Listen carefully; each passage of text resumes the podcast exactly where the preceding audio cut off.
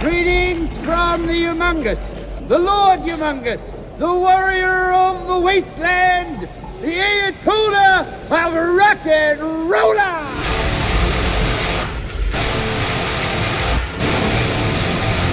Mad Max 2.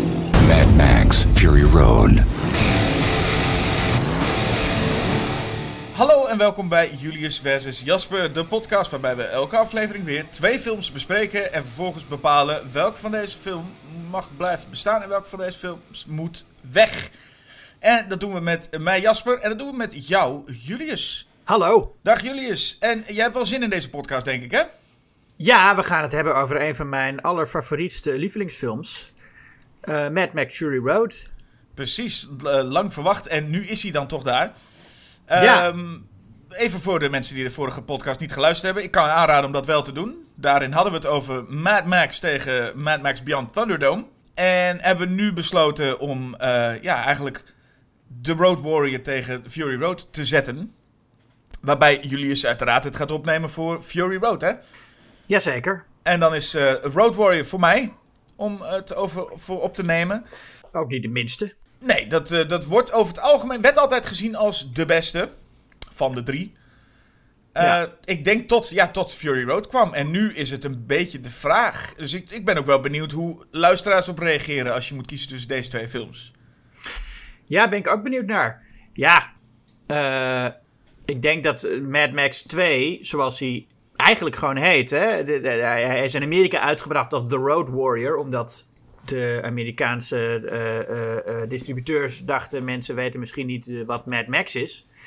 Maar de oorspronkelijke titel is gewoon Mad Max 2. Dat is ook de enige titel die we op het scherm zien, vers- zien verschijnen. Ja, het is eigenlijk de omgekeerde wereld. Normaal gesproken wordt er altijd een vervolg. Wordt er altijd maar gezegd, we maken er maar deel 2 van, want dat weten mensen het. En nu werd er juist gedacht, nee, mensen weten niet wat Mad Max 2 is. Zijn ze in de war, denken ze, ja, moet ik die eerste dan zien?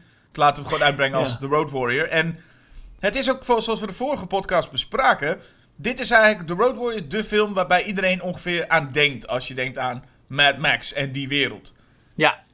Ja, nee, en ik zei net al inderdaad van dat is misschien, eh, of ik wilde net gaan zeggen voordat ik eh, afdwaalde over de titel, dat Mad Max 2 eh, of The Road Warrior de film is waar mensen van misschien iets voor onze generatie nog ehm, inderdaad die, die, die reputatie aan verbinden. Van dat is de post-apocalyptische film. Nou ja, dat is het natuurlijk ook. De film die een beetje de standaard voor het genre heeft gezet. Veel meer dan Mad Max, wat nog meer een soort eh, eh, eh, Death Wish-achtige film was. Is dit echt de, de, de film waarin we voor het eerst die typische post-apocalyptische wereld zien. Die later nog in heel veel andere films ook getoond zou worden. Zelden zo origineel en creatief als George Miller dat hier deed. En ook zelden zo eh, eh, eh, goed uitgevoerd qua actiescènes natuurlijk. Maar dit is inderdaad de film waarin Max voor het eerst echt ook als dat archetype staat in die wereld. En, en waarin de, de, de held in de post-apocalyptische wereld neergezet wordt als, zoals we ook in de vorige aflevering al besproken hebben, als een soort nieuwe versie van The Lone Ranger. Maar dan zonder, de, zonder de, het morele verantwoordelijkheidsgevoel van de Lone Ranger. En meer als een egoïstische eh, held, of, of misschien zelfs anti-held, die eigenlijk eh, eh, ja, betrokken raakt bij een conflict en die mensen maar helpt zolang het hem zelf ook helpt. Wat eveneens werd besproken vorige keer, en we gaan niet de hele tijd zeggen hoor, zoals je vorige keer kon horen, maar ehm, is dat continuïteit niet per se een ding is waar George Miller zich nou heel erg mee bezig heeft gehouden in deze vervolgfilms. De vraag is ook een beetje wat Fury Road nu eigenlijk is. Is het een vervolg? Is het een, meer een reboot? Je zou er zelfs van kunnen zeggen, het is eigenlijk gewoon een remake van de laatste 30 minuten van eh, Mad Max 2.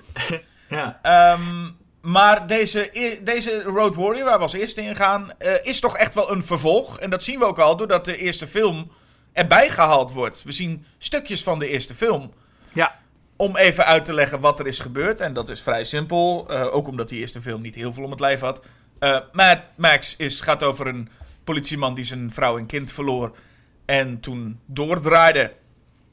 Nou, als we dat gehad hebben, kunnen we meteen gewoon meteen in een chase scene. Want dat is wat eh, George ons meteen voorschotelt. Alleen iets korter dan de vorige keer. We krijgen een eerste slechterik ook even te zien. Eh, een gast met een, eh, een hanekam die Wes heet, geloof ik. En hij lijkt eh, in eerste instantie de grote schurk van het verhaal te worden. Ja, we zien Max eigenlijk op onderweg. Het, het, is, een, het is een andere wereld dan die in de eerste Mad Max, toch? Ja, nee, het is een, een, een stuk. eh, een stuk eh, de eerste Mad Max was nog een dystopie. En dit is gewoon. ehm, ja, ook wel dystopisch in de zin dat. nou ja, nee. nou ja. Sorry. Ja, de eerste Mad Max was nog een, een, eh, echt een dystopie waarin nog wel eh, een samenleving bestond. En hier is dat allemaal vergaan en, en zijn er een soort eh, ja, kleine groepjes mensen, stammen zou je het kunnen noemen, zoals aan het einde ook gebeurt, die ehm, ja, proberen te overleven met de resten van wat er nog is. En je ziet nog wel dat, dat, dat ze inderdaad resten gebruiken. Mad Max zelf heeft blikken hondenvoer. Hè, dus dat soort dingen zijn er nog wel. Ze hoeven niet he- helemaal van het, eh, van, het, van het land te leven. Er zijn waarschijnlijk nog wat supermarkten waar ze de laatste producten nog uit kunnen halen. Maar goed, dat is ook aan het ophouden, merk je wel. En, eh, en ja, ze, ze willen natuurlijk allemaal benzine. Dat is eigenlijk waar vooral eh, de samenleving, voor zover die er nog is, op draait. Dat is het goud van deze, deze wereld, hè? De, de benzine. Ja. En eh, Max is eigenlijk een personage dat eh, voornamelijk alleen is. Alleen hij heeft hier nu wel een hond. Ehm, maar hij komt ook al snel iemand anders tegen. Iemand waar we het eigenlijk al over gehad hebben, maar eigenlijk ook weer niet. Bruce Spence. Ja, Die ontmoet hij vrij snel een, eh, een, een, een, nogal krankzinnig figuur in een gele pyjama. Het is wel fijn om een type als Max met zo'n type ook even te zien. Die, die onder onsjes werken wat mij betreft heel goed. ja, ja, nee, zeker omdat je inderdaad, nou ja, Max is toch een beetje, hij heet wel Mad Max, maar hij blijft toch een beetje de, ehm, de, de, de, de redelijke figuur in deze films eigenlijk. Hè? De, degene die nog het meeste voeten aan de grond heeft. En het personage waar. ehm, nou, misschien niet, niet per se het personage waarmee je het meest identificeert. Maar wel het meest. eh, op een bepaalde manier ook het meest rustige personage. Er zijn verschillende soorten en we komen al die personages ook wel een beetje tegen. Je hebt de, de eh, echte slechterikken en dat zijn ook echt de mensen die helemaal van het padje af zijn, alleen maar slechte dingen doen en ook overgaan tot moord, verkrachting, et cetera. Je hebt de mensen die gewoon echt de samenleving proberen te zijn, de, de, de wat bravere mensen dan. Eh, en Bruce Spence is eigenlijk net als Max een beetje een, een, een figuur daarbuiten. Ja. En ik noem hem hier nu Bruce, Bruce Spence omdat hij volgens mij ook helemaal geen naam heeft. Hij wordt dan de, op een gegeven De moment... Gyro Captain. Ja, maar hij wordt eigenlijk verder niet echt bij naam genoemd. Dat is sowieso Nee. iets wat, wat eh, George Miller ook nauwelijks doet, hè? Mensen krijgen bijna geen naam. Eh, nou, veel mensen hebben, hebben wel een naam die. ehm, Het kindje, de Feral Kid, wordt bijvoorbeeld genoemd. Er is een mechanic, Ja, er is een... een, een... ja, maar dat is dan hun, hun identiteit in die wereld en dat wordt dan hun naam. Ja, precies. Ik bedoel, die- eh, Lord Humongous heet natuurlijk ook niet echt. eh, Dat, is- niet geboren met die naam, denk ik. dat, dat zou je hopen van niet. Maar die, eh, het is leuk als hij... Ik vind het een leuke dynamiek. Een van de leukste scènes uit Road Warrior zit al vrijwel in het begin. Eh, een stukje luchtigheid is als ehm, Max besluit om Bruce Spence mee te nemen. Want Bruce Spence weet een plek waar benzine is. En dan zit Bruce Spence in die auto, vastgebonden. En er is een, ge- eh, een pistool, een geweer op hem gericht. En de hond heeft een touw in zijn bek, met, die aan het pistool vastzit. Dus de hond hoeft maar één keer aan het touw te trekken en het pistool gaat af. En dan Ja. ziet Bruce Spence in zijn ooghoek een haas voorbij schieten. En hij schrikt zich even, want hij denkt: oh oh, gaat die hond daar nu op reageren? Maar nee, Max heeft zijn hond goed afgericht. Die hond eh, v- verroert helemaal zich niet. En die dynamiek blijf je een beetje krijgen in het begin van deze film tussen Max en Bruce Spence en de hond. Eigenlijk een, een, een, een- ja, ik had eigenlijk al zoiets. Als dit trio gewoon de hele film doorgaat, ben ik tevreden. Ja, maar goed, met zo'n lieve, brave hond weet je natuurlijk, die is ten dode opgeschreven. Ja. Maar Ja. eerst is het nog het feit dat Max al ziet waar dus de... eh, ja, waar benzine is. hè, Zo'n kleine maatschappij. Dan blijft hij daar even wachten. Vreet hij inderdaad ook zelf hondenvoer. En ook Ja. mooi dat Bruce Spence dan ook al meteen een lepel uit zijn jas had. Zo van, oh, die heeft hij ook altijd bij zich. Zo van, eh, ben ik nu aan de beurt? Maar nee, eerst gaat de hond. Hè? De hond gaat voor. Ja. En dan mag Bruce Spence de, de restjes nog. En het verhaal gaat eigenlijk pas in werking als eh, Max getuige is van een soort verkrachting. En de, de slachtoffers, één, de vrouw is al overleden en de man, brengt hij naar dat dorpje toe. En dat is het dorpje waar eigenlijk de film een beetje ja, over gaat.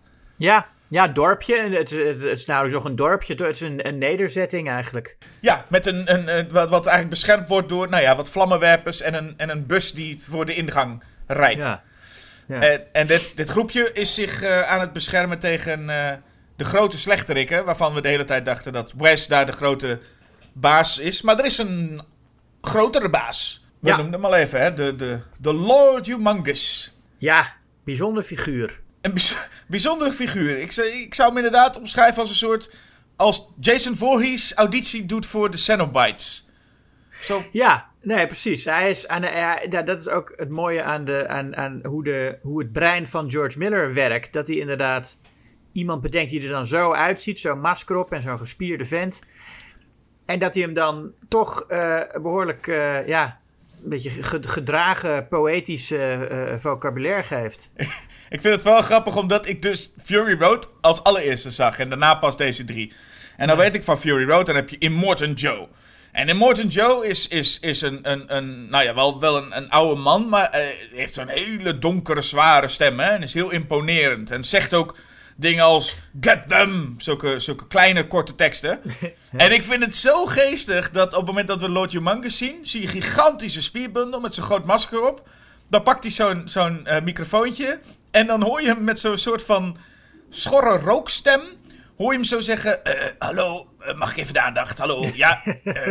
ja, ik ben een beetje teleurgesteld in jullie. En dat vind ik zo geestig. En zo'n Ja. welbespraakte man die praat met die, die, die, die rookmevrouw van Lingo, zo stem. Had- is oh, die. Oh ja, nee, sorry, ik wist even niet of je het had, maar ja. en, die was de- en er is, maar, er is, er is zo'n contrast met hoe hij eruit ziet en hoe welbespraakt hij eigenlijk is. En hoe hij ook praat met zo'n, ja, eigenlijk een heel, heel lullig stemmetje ten opzichte van wat je zou verwachten.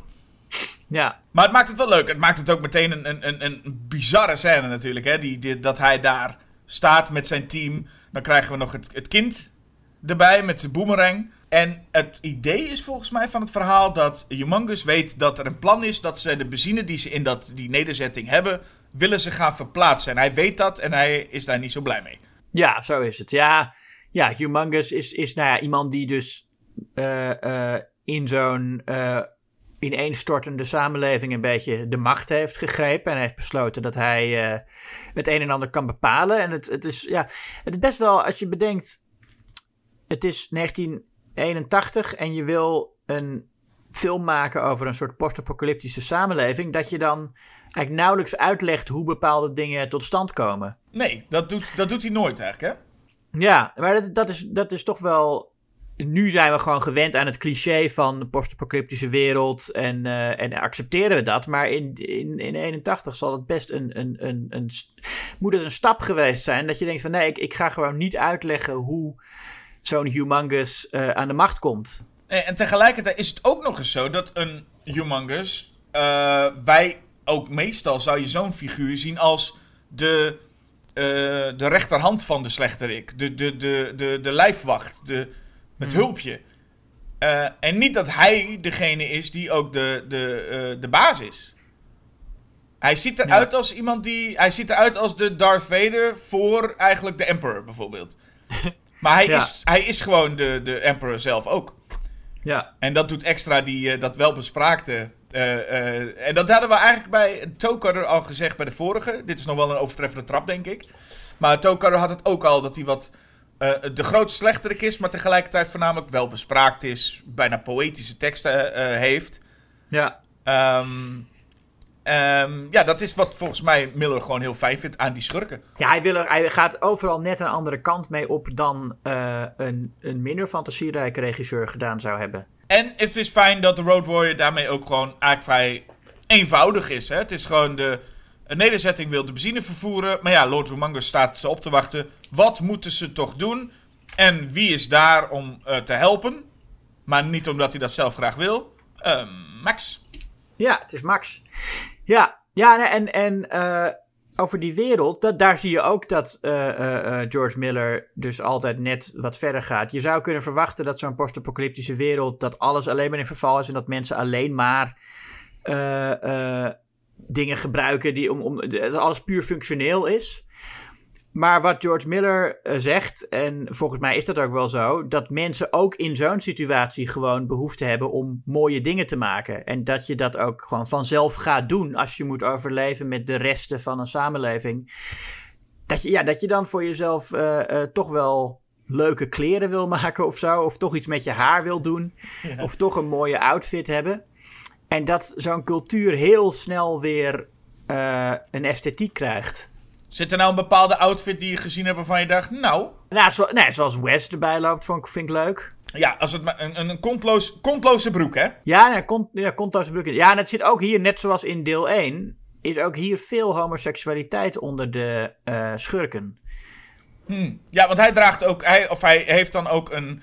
En er wordt wet in gezegd dat diegene die die bij zich heeft... Dat is een jongen, een blonde jongen heeft hij bij zich op zijn motor altijd. Daar, werd, daar, daar zei de acteur in ieder geval van. Weet je niet of dat, of dat enigszins nog ertoe doet. Maar dat dat geen homoseksuele relatie zou hebben, maar dat dat een soort van... Iemand is, had hij zelf een backstory bij bedacht. Met ja, ik heb... Mijn personage heeft diegene gered. Ooit of zo.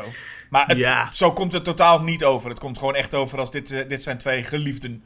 Ja, die subtekst is er zeker, ja. Ja, ik weet ook niet waarom zo'n acteur dat heel erg graag op een of andere manier anders wil stellen. Ik- Het is niet alsof het het nou heel anders maakt. Maar het is wel duidelijk dat als deze blonde eh, persoon doodgaat, dat het deze Wes, eh, nou ja, behoorlijk boos maakt. En het gaat ook, hij gaat ook dood door een boemerang. Ja, ik was, nu, nu je dat zegt, ik, ik heb een keer gefigureerd in goede tijden, slechte tijden. Heel lang geleden. En toen stond ik met een andere jongen in een, in een café. En, eh, en er is een homoseksueel personage. Ik, ik ken die serie verder niet, dus ik weet niet wie. Maar eh, een, een homo zou ons dan zien. En zou ons mooi vinden en, of, en, lekker vinden. En, eh, en eh, dat was dan onze rol als, als, als figuranten. En dat hoorde die jongen dus toen we daar waren. En die, die, was toen opeens heel bezorgd. Die zei van ja, maar dan zien mensen dat op tv. Dat ik door een homo knap gevonden word. En dan denken ze misschien dat ik ook homo ben. Dat zullen mensen dan gaan zeggen van ja, die zal ook wel homo zijn. En die, die zat daar ontzettend mee. Die vond het ook heel stom dat het hem niet van tevoren verteld was wat er over hem gezegd zou worden. Die was echt. eh, En toen had het, het meisje van de kostuums had dat, al die klachten gehoord. En die had natuurlijk ook een heel strak roze t-shirt gegeven.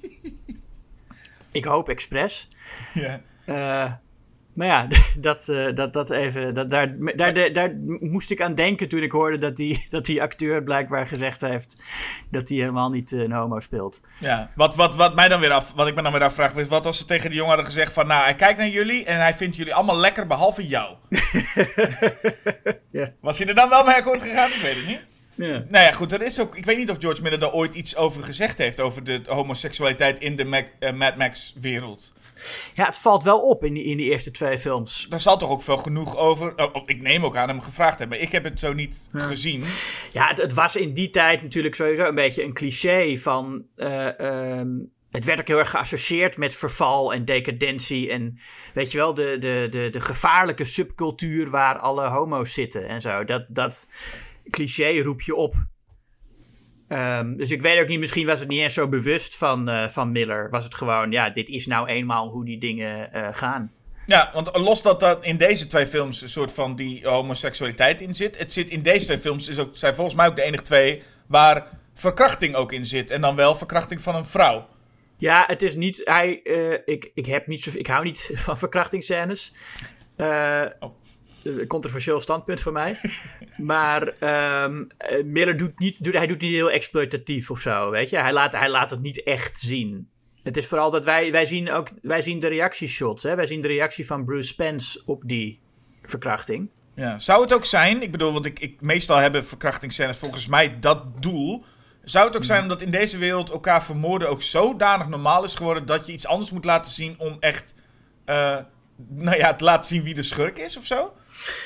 Ja, nee, dat, ja, dat is het natuurlijk. Dit zijn mensen die ook willen laten zien dat ze, dat ze macht hebben en dat ze eh, eh, alles wat ze willen gewoon pakken. Ja, want als twee mensen, gewoon twee mensen van die, eh, die, die, nou ja, laten we even noemen, brave maatschappij, van de weg gereden worden en over de kop vliegen en doodgaan, voel je nog niet waarschijnlijk, want dan denk je, ja, dat kan iedereen gebeuren. En dat is, weet je, dat, dat zou Max ook veroorzaakt kunnen hebben.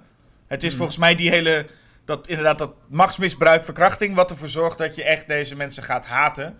Ja. En eh, alsof je nog meer reden had om in ieder geval, volgens mij staat iedereen automatisch aan kamp Max. ja, En ik denk dat dat ook de reden is, dat is verkrachting en het doden van een hond. Dat zorgt er gewoon voor dat je denkt, Oh ja. en nu moeten jullie allemaal gewoon dood. Maakt niet uit wat je nog doet.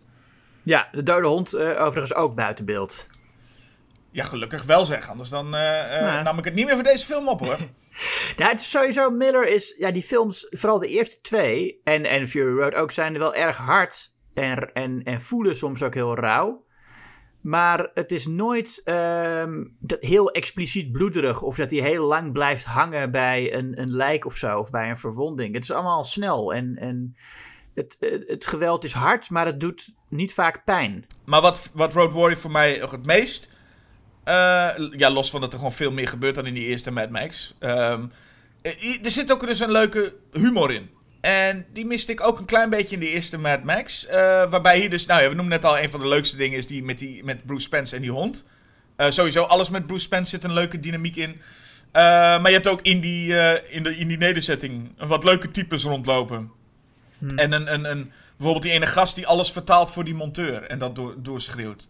Oh ja, ja, ja. Er zijn, ja, gewoon, hij geeft lekker wat kleur aan deze figuren. En ehm, maakt het gelukkig ook in kamp eh, Good Guys eh, net zo leuk als in kamp Bad Guys. Waar Miller niet altijd even goed de combinatie weet te vinden. Ja, nee, el- elk, elk personage mag iets unieks doen. Zelfs de kleinste personages krijgen een, een eh, unieke rol. En dat vind ik zo, ja, dat is heel mooi. En het, is, het maakt die wereld ook zo geloofwaardig. Dat je inderdaad niet zoals je in een andere actiefilm zou zien, gewoon een stel bijfiguren hebt die zich heel generiek gedragen. Maar dat iedereen echt een eigen persoonlijkheid heeft. Ja. Ik denk dat de acteurs daar ook heel blij mee eh, geweest zijn. Ja, en je blijft, wat hebben we bij eh, Beyond Thunderdome ook al gesteld. Daar gaat Max met kinderen om, maar blijft hij Max. En dat is hier nu ook zo. Hier is het iets minder een groepje leuke kinderen, maar is er één ver- eh, ja, wild kind. Ehm, die, dus, die we al iemand hebben zien eh, eh, vermoorden met de boemerang. En hij blijft gewoon, ook al is er zien we een kleine zachtaardige kant van hem, hij blijft gewoon Max. Dus hij smijt wel, hij geeft wel dat kind gewoon dat kleine muziekdoosje wat hij ooit vindt. Ja. Maar hij blijft ook gewoon dat kind, weet je wel, als dat kind dan bij zijn auto gaat zitten of wat dan ook, blijft hij dat kind, gooit hij dat kind ook gewoon weg. Ja, hij ja. blijft gewoon een beetje lomp eh, en, en ongeïnteresseerd. En dat is misschien iets wat fijn is omdat het Max blijft. Maar het is ook wel wat de film natuurlijk een beetje trager maakt. Het hele idee van Max weigert om de truck met benzine te rijden. Ehm, en dat je allemaal wel voelt van, ja, hij gaat dat toch wel doen. We hebben het al vaker gehad over van die momenten dat je weet van... Een een personage wil iets niet en dan weet je, ja, maar hij wordt toch wel overtuigd. Moet dit al allemaal? ja. Ik, ik was er niet heel erg mee bezig in dit geval. Eh, het is misschien dat ik het extra vervelend vind. Want ja, nu gaat Dog er ook aan. Maar het moet wel, er is een moment dat Max eigenlijk overtuigd moet worden van... Ja, ik wil dit allemaal niet, jongens. Eh, eh, red jezelf, zoek het uit later. En dat hij dan toch wel terugkomt om de boel te helpen. ja. En dat is allemaal, waar we het zo straks over hadden, allemaal voor die grote finale. En die finale is natuurlijk de chase scene, nou ja, waar, Fury Road eh, eh, waarschijnlijk volledig op gebaseerd is. Deze grote finale met deze eh, grote vrachtwagen, Max achter het stuur en Humongous en, en zijn team komen erop af. Ja, het is voor mij het laatste half uur ongeveer van de film. Is ehm, toch wel de, ik denk, de, de beste achtervolgingsscène met een hele zooi auto's. die ooit gefilmd is. Totdat George Miller zelf in, in eh, 2015 eh, zichzelf overtrof. Maar eh, lange tijd heeft, eh, eh, heeft Mad Max 2 die positie eh, weten te houden, volgens mij. Als gewoon de, ja, de, de beste actiefinale met een hele hoop auto's. En dat zag je eigenlijk al in de eerste Mad Max. Zag je al van, nou wow, eh, geef deze man nog iets meer geld. En dan gaat hij waarschijnlijk dit voor elkaar krijgen. Want in de eerste Mad Max wist hij al heel veel hele goede dingen te doen. Met maar een heel klein budget. En Ja. het voelt een beetje alsof... Misschien Beyond Thunderdome valt er dan een beetje buiten. Maar het voelt alsof je gewoon George Miller iedere keer iets meer geld geeft. En hij iedere keer zichzelf dan overtreft met wat hij eigenlijk gewoon wil doen. En dat is zo'n enorm goede... eh, nou ja, actie-achtervolgingsscène neerzetten. Ja, ik weet niet of Beyond Thunderdome daar buiten valt. Daar had hij ook meer budget en ging hij ook verder. En, en de actie was minder uh, rauw en hard en zo. Uh, maar um, hij, hij, deed wel. Hij, hij, ik vind dat hij echt in elke film een stap verder gaat. Elke film doet er een schep bovenop. Ja, misschien is Beyond Thunderdome het iets minder duidelijk of zo. Ik zie heel erg die openingsscène van Mad Max. Vervolgens zie ik, of de uh, eindscène, een van de twee. Vervolgens zie ik heel erg dat die scène veel groter wordt in het einde van uh, uh, Mad Max 2. En die ja. scène zie ik dan weer helemaal uitgesmeerd worden over Fury Road. En inderdaad, Beyond Thunderdome heeft ook wel uh, heel veel overtreffende trappen ergens. Maar die, die lijn zie je nog het meest in die drie films, heb ik het idee. Maar ja. dat komt ook gewoon vooral omdat deze scène ook gewoon heel erg lijkt op het verhaal van Fury Road. Ja, en, en, en allerlei details. Hè. Dat, er, zit, er zit hier al een stukje in dat iemand met een lange paal op een vrachtwagen uh, springt. Ja. Wat in Fury Road een, een veel groter ding zou worden. Um, ja, je bent eigenlijk benieuwd van uh, uh, wat, wat gaat als hij er nog een gaat maken. Ja, wat kun je, wat kun je nog? Kun, kan het nog wel? Ja, kan, kan hij nog een stap verder? Nou ja. ja. Maar daar komen we misschien nog op. We moeten Fury Road nou. nog bespreken. Maar wat ik hier ook leuk vond is trouwens, die humor komt af en toe ook in die chase nog wel eens. Vind, ik vond bijvoorbeeld die gast die dan ongeveer gevoelsmatig ook een half uur in de fik staat. Met zijn handen. vond ik ook heel geestig. Maar ik, ik moet ook zeggen, ik, ik had ook eerst dat ik dacht dat ik dit zag. En toen dacht ik, oh, die Wes, dus de grote schurk. Want dat lijkt het zijn omdat hij steeds een soort band met Max heeft van, oh, daar is hij weer. Leek de hele tijd dat ik dacht, oh, krijgt hij nou, nou zo'n matig einde? Maar wat ik dan heel, wel weer heel leuk vond, is dat hij nog even terugkomt. Hij lijkt even dood, maar... Ja. Uh, uh, hij komt nog even, even, weer, even weer erbij. En wat ik heel fijn vond, is dat alles een beetje bij elkaar komt. Dat hoort natuurlijk ook in zo'n finale. Maar ook dat kleine jochie, dat, uh, die, die Feral Kid, moet een, een ding gaan doen.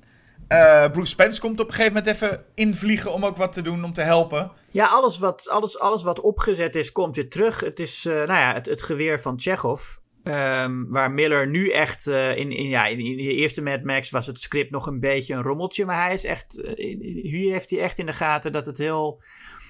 Het is echt een gestroomlijnd verhaal. En daar is hij steeds beter in geworden. En, en Fury Road is daarvan natuurlijk ook het voorbeeld dat heel vaak aangehaald wordt als. Dit is een perfect scenario voor een actiefilm. Waarin alles wat alles wat uh, uh, gebeurt relevantie heeft en in de finale inderdaad terugkomt. Nee, vraag je af of dat ook misschien wel het verdienst is van Terry Hayes, die, die, hier, waar hij hiermee samenwerkte aan het script? Ja, dat zou kunnen.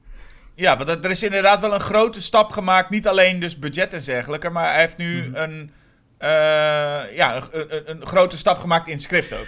Ja, want James McCausland die uh, de, dus bij de eerste film mede het scenario heeft geschreven, was eigenlijk een journalist. En dat is ook de reden dat George Miller hem wilde, want hij had gelezen, Pauline Kael had geschreven dat, dat veel grote Amerikaanse scenaristen van oorsprong journalisten waren. Mm. Dus toen, ja, toen, toen dacht Miller ook van, nou ja, dan moet ik ook maar een journalist inhuren. En heeft hij dus die James McCausland benaderd.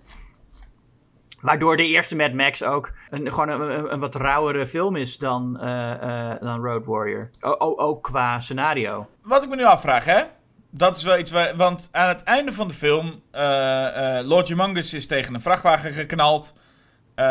grote bang, alles klaar. En dan komen we erachter dat die vrachtwagen omgevallen is. En dat Max eigenlijk maar een afleidingsmanoeuvre was.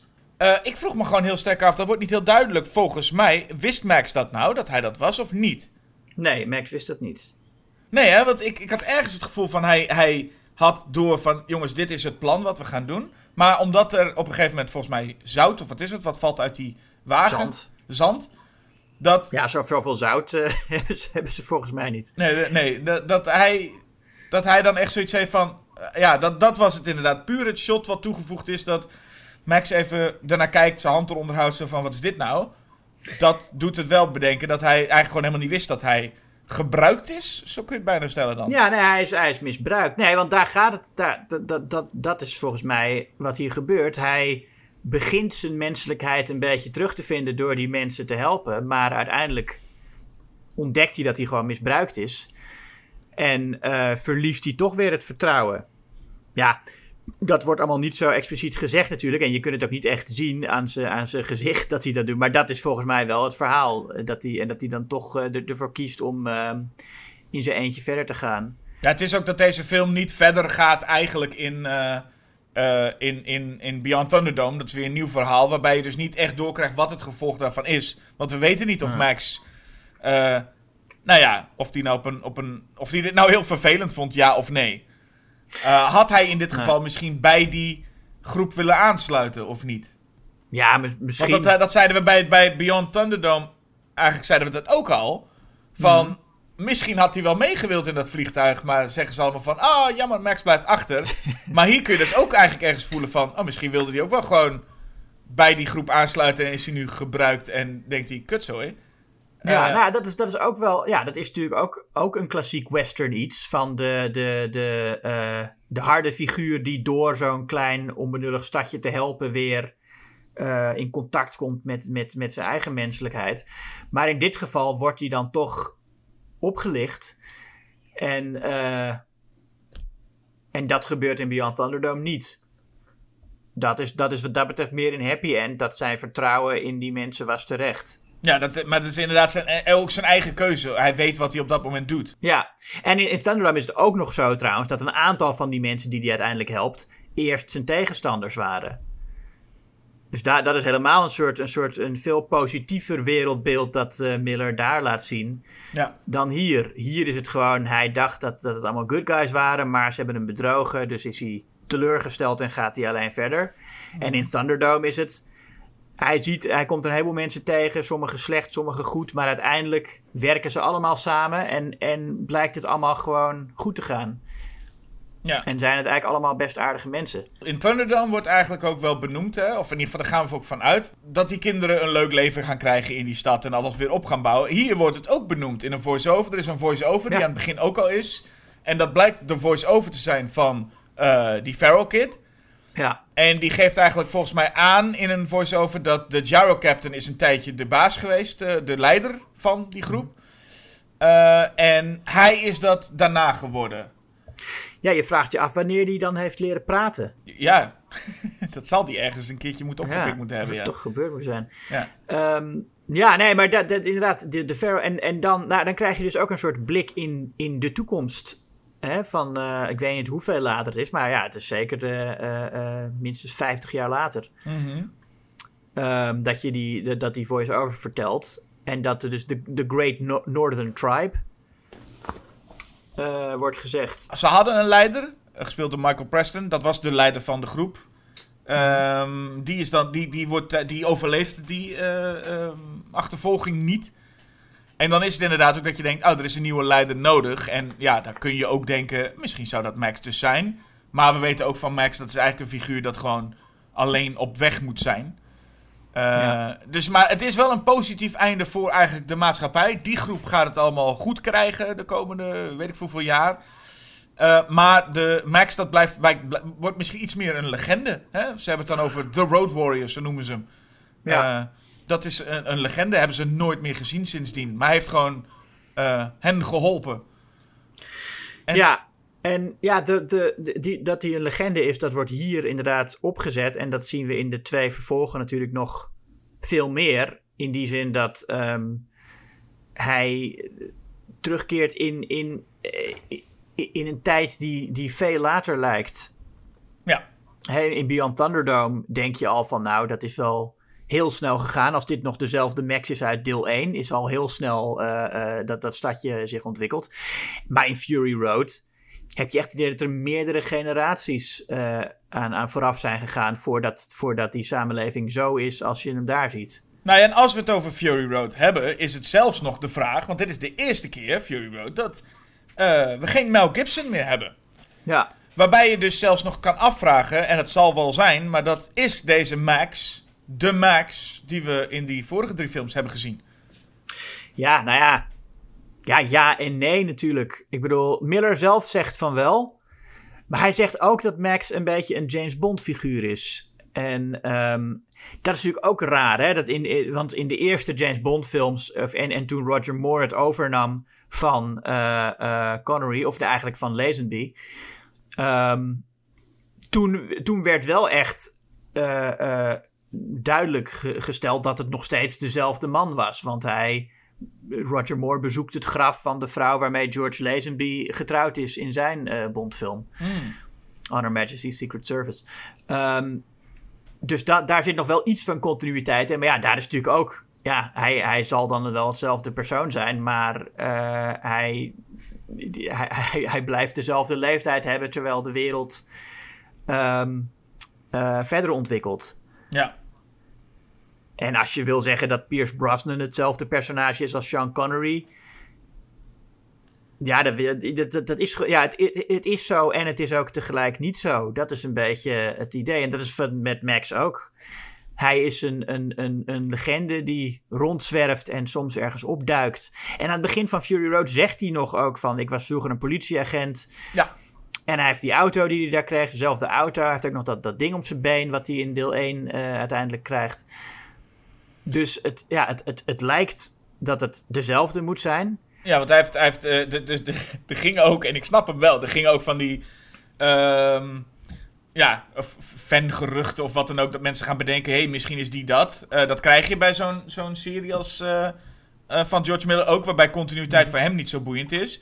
Dat, er zijn ook mensen bijvoorbeeld geweest die dachten dat Lord Humongous, dat dat misschien Goose was. Oh. Wat eigenlijk, nee, ja, je ziet op een gegeven moment wel een soort van dat het achterhoofd van Lord Humongous eh, een beetje verwond is. Maar ja, de rest van zijn lichaam is eh, eh, Ja. helemaal gaaf. En dat is eh, in het geval van Goose niet het geval. Maar zo zijn mensen toch altijd wel een beetje bezig met wie is nou wie.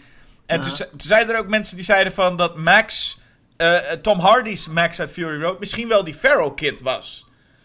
Oh ja, maar dat zeiden ze bij Beyond Thunderdome ook al, toch? Omdat hij hetzelfde kapsel heeft. Oh, dat weet ik, ik weet niet of ik weet dat jij zei dat dat dezelfde kapsel was, maar ik weet niet of men dat toen ook echt bedacht dat dat misschien hem was.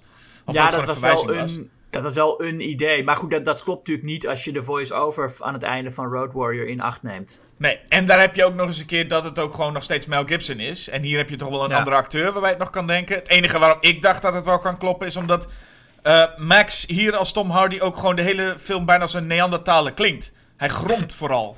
Ja, Hij zegt bijna niks en, en dan snap ik nog wel dat die geruchten van... Misschien is het wel dat kind uit de Road Warrior, want zijn vocabulaire is nog steeds bijna hetzelfde. Ehm, Ja. Maar goed, we, en we hebben wat visioenen. Die krijgen we ook hè, in, in, in Fury Road. Dus hij, hij hij heeft visioenen niet van... Je zou dan denken van, van zijn kind of zo. Want het is een kind, maar het is een meisje. ja, Waar de hele tijd gezegd wordt, you let us die. En eh, nou, dat zijn verschillende mensen die voorbij komen. Maar dat meisje komt dan steeds terug. Eh, iets wat we niet eerder hebben gezien. Maar het is niet Nee. alsof er een visioen komt van Sprog. Nee, precies. Nee, de- het is gewoon, weet je, het, het mooie is de enige constante factor in de Mad Max films is Max. En de wereld om hem heen verandert altijd, maar hij blijft altijd die Max. En hij, hij, hij maakt wel eens ontwikkelingen door, maar hij blijft eh, eh, dezelfde leeftijd, dezelfde achtergrond. Hoe, hoe ver in de toekomst we ook zitten. Ja. Dat is gewoon hoe het is en, en daar moet je je ook niet te veel eh, eh, zorgen over maken of zeggen van, nou, dat klopt allemaal niet en dat soort gezeur. Eh, er is gewoon verder geen continuïteit in die wereld, behalve, behalve in hem. Ja, hij is, hij is, een, hij is, een, hij is een archetype. Het is, het is Max en het is een hoop gerace. En Ja. ook deze film begint met een race. Maar als je dan denkt van, nou, dit wordt me toch een flinke race. Dan zie je dat Max meteen van de weg gereden wordt. Hoppakee, auto over de kop, klaar. Dat was Ja. wel een, een mooi iets op het moment dat je helemaal denkt... Nou, ik, ik, ik snap hoe deze films gaan. We gaan even een tijdje racen. Maar nee, Max is meteen van de weg afgereden. Vang, gevangen genomen. En, en eh, eh, het verhaal kan beginnen. Ja, hij wordt inderdaad gepakt en meteen eh, gereduceerd tot een object. Wat Ja. een thema is dat in deze film natuurlijk heel vaak terugkomt. In, nou, in, in, in, in, in, in de eerdere films ging het steeds om eh, brandstof, hè, benzine en, en, en methaan in, eh, in Thunderdome. En hier gaat het echt om, om mensen in de eerste plaats, die ehm, als objecten gezien worden. En eh, ja, dat, dat geeft toch wel een, wat meer dramatische lading. En ja, dat Max meteen gepakt wordt en, en, op zijn rug wordt getatoeëerd wat hij allemaal is. En dat hij eh, universele donor is. En dan wordt hij inderdaad als bloedzak gebruikt door eh, Nax, een van de warboys, die dan op, op weg moeten en die extra energie nodig hebben. En ehm, die dan zijn, zijn bloed eh, stelen. En het is dan een element wat we in, niet, niet het bloedzak-idee, maar wel het element in Road Warriors zagen we al hoe mensen eh, aan de voorkant van een auto werden gebonden. Ja, dus dat element is er al. En nu is het inderdaad ook nog een praktische kant eraan vast van het is een bloedzak. Ja, maar het is zo mooi om je held op zo'n laag punt te beginnen, weet je wel? Hoe, hoe vernederend wil je het hebben dat je als bloedzak gebruikt wordt voor, voor, voor zo'n gast? Ja, Ehm, want ja, nee, oh, ja we, we moeten natuurlijk even zeggen, die gast, eh, hè, hij zit achter eh, Furiosa aan. Furiosa is een imperator van Immortan Joe. En Immortan Joe is de grote leider van deze eh, gemeenschap die eh, is ontstaan. Die zelf een ontzettend decadent leven leidt en zijn bevolking eh, ja, laat, laat nou, ja, net in leven houdt door af en toe water te doneren aan ze. er valt een beetje wel een punt te maken voor dat, dat eigenlijk in Morton Joe een combinatie is van de drie schurken uit de vorige films. Ja, hij wordt gespeeld door Hugh Keith Byrne, die in deel 1 uh, Toecutter speelde. Mhm. Hij heeft inderdaad ook iets van Lord Humongous en ja, iets van Tina Turner, omdat hij de leider is. Maar hij maakt zich duidelijk, eh, hij, hij, hij bekommert zich wat minder om zijn volk. Ja, maar ik vind hem ook nog wel steeds een diva. En dat is zit hem. Ja, hij, Oh, zeker. Hij, hij, hij heeft ook een.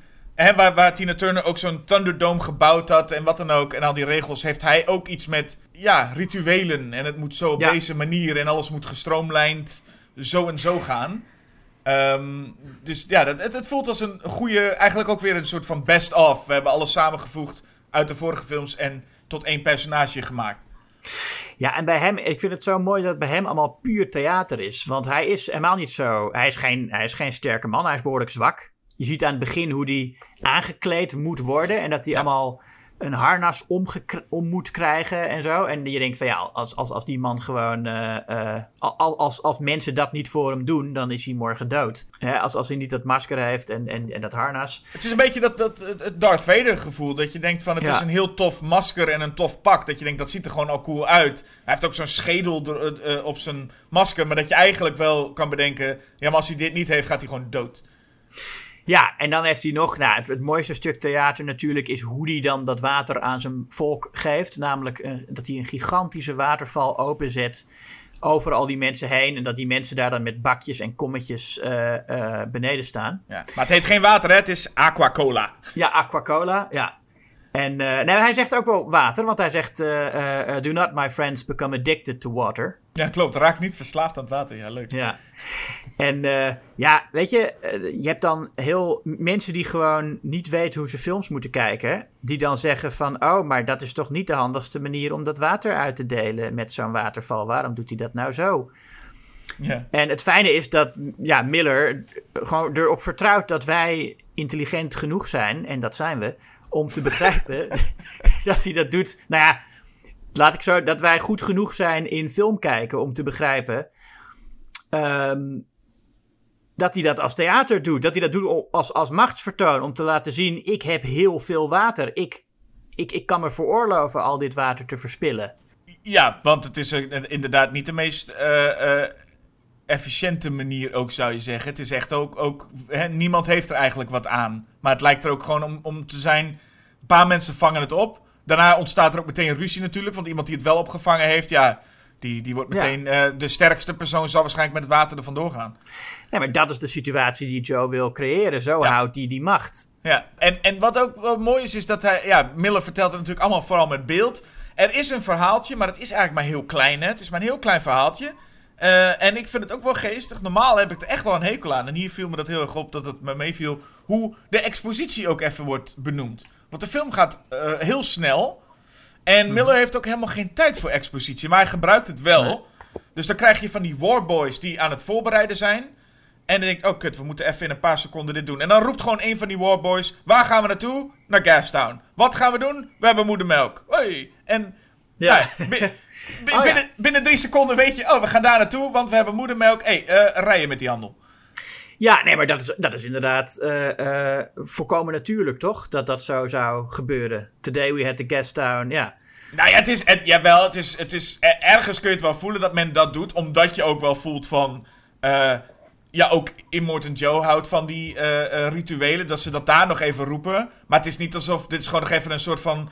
eh, speech. Maar het is niet alsof die informatie voor die. Ik bedoel, iedereen weet van die informatie. Ja, nee, dat weten ze. Maar ze moeten het allemaal even roepen. Omdat ze, ze moeten duidelijk maken dat ze er zin in hebben. Dat ze ervoor gaan. Ja, maar het geldt ook voor. Ook als later dan die Warboys in paniek zijn. omdat eh, ehm, Furiosa een andere afslag heeft genomen.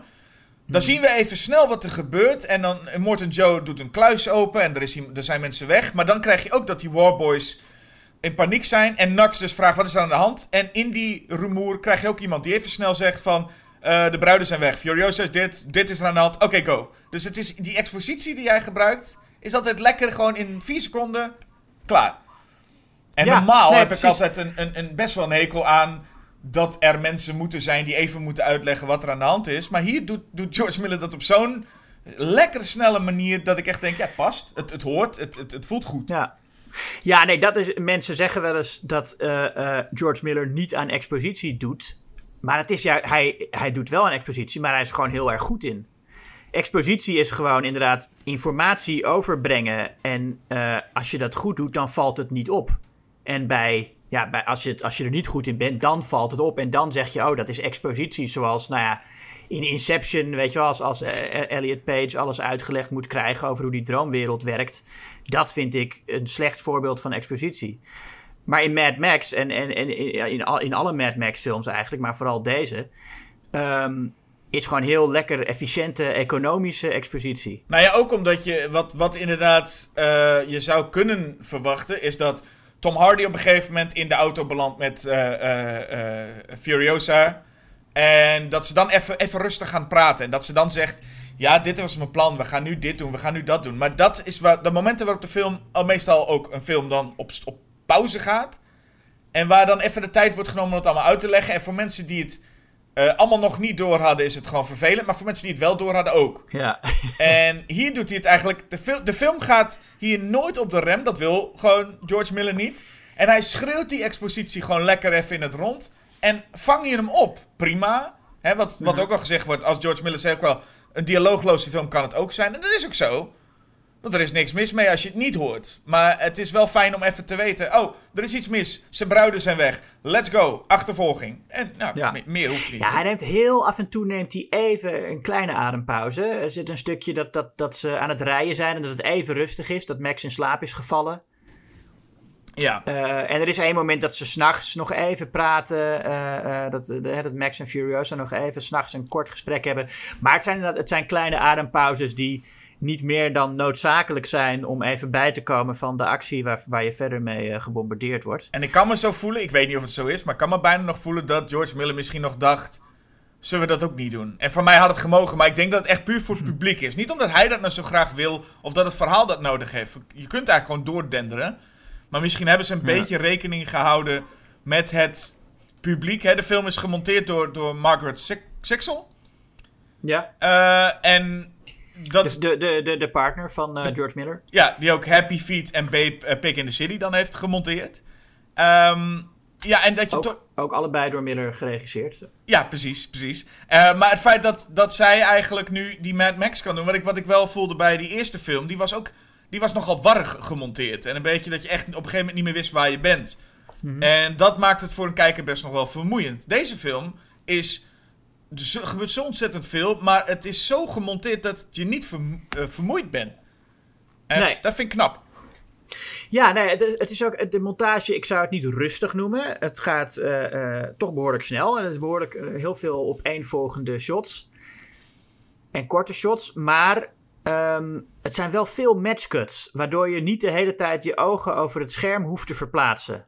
Weet je wel? Je zit altijd ongeveer in het centrum, daar is de actie. En als het een keer niet in het centrum is, dan is het een keer linksboven. Maar dan, zorg, dan, zorgt de montage er ook voor dat je een tijd lang linksboven kan blijven. Ja, en die, en die eh, eh, eerste film, de eerste tien minuten van Mad Max, de eerste film, is, is, is eh, vermoeiender dan deze hele film. En dat heeft ook gewoon te maken met dat die montage, deze film is natuurlijk ook veel gelikter. Veel, veel meer geld, maar ook ehm, neemt je veel meer mee. Dus er gebeurt veel meer, maar hij is minder vermoeiend omdat je niet als kijker bezig bent met huh, wat, waar zijn we nu? Hè, hoe zit dit nu? Wat, wat gebeurt Ja. er nu? Zoals een, nou ja, even een heel slecht voorbeeld. Een gemiddeld gevecht in een Transformer film doodvermoeiend is. Omdat je gewoon echt geen idee hebt waar je naar kijkt. En hier kijk je naar heel veel dingen, maar je hebt altijd een idee wat er gebeurt. En het fijne is, en je kunt hem ook, hoe vaak je hem ook eh, herkijkt, je blijft soms nieuwe dingen ontdekken in de achtergrond. En eh, ook zelfs kleine verhaaltjes. Ik had bijvoorbeeld de eerste keer dat ik hem zag, had ik eigenlijk het hele verhaal van de laars gemist. Oh ja, ja. Klopt. Wat eh, een, heel, een heel mooi klein plot is tussen Max en Nux. Dat eh, eh, Max verliest op een gegeven moment zijn laars. Een andere Warboy, Slit, die, die, die blijft aan zijn voet hangen. En, en op die manier gaat die laars eraf. Eh, en Max heeft nu nog maar één schoen. Dus wat doet hij later als, als Nux knock-out is? Pakt hij de laars van Nux. En trekt hij die aan.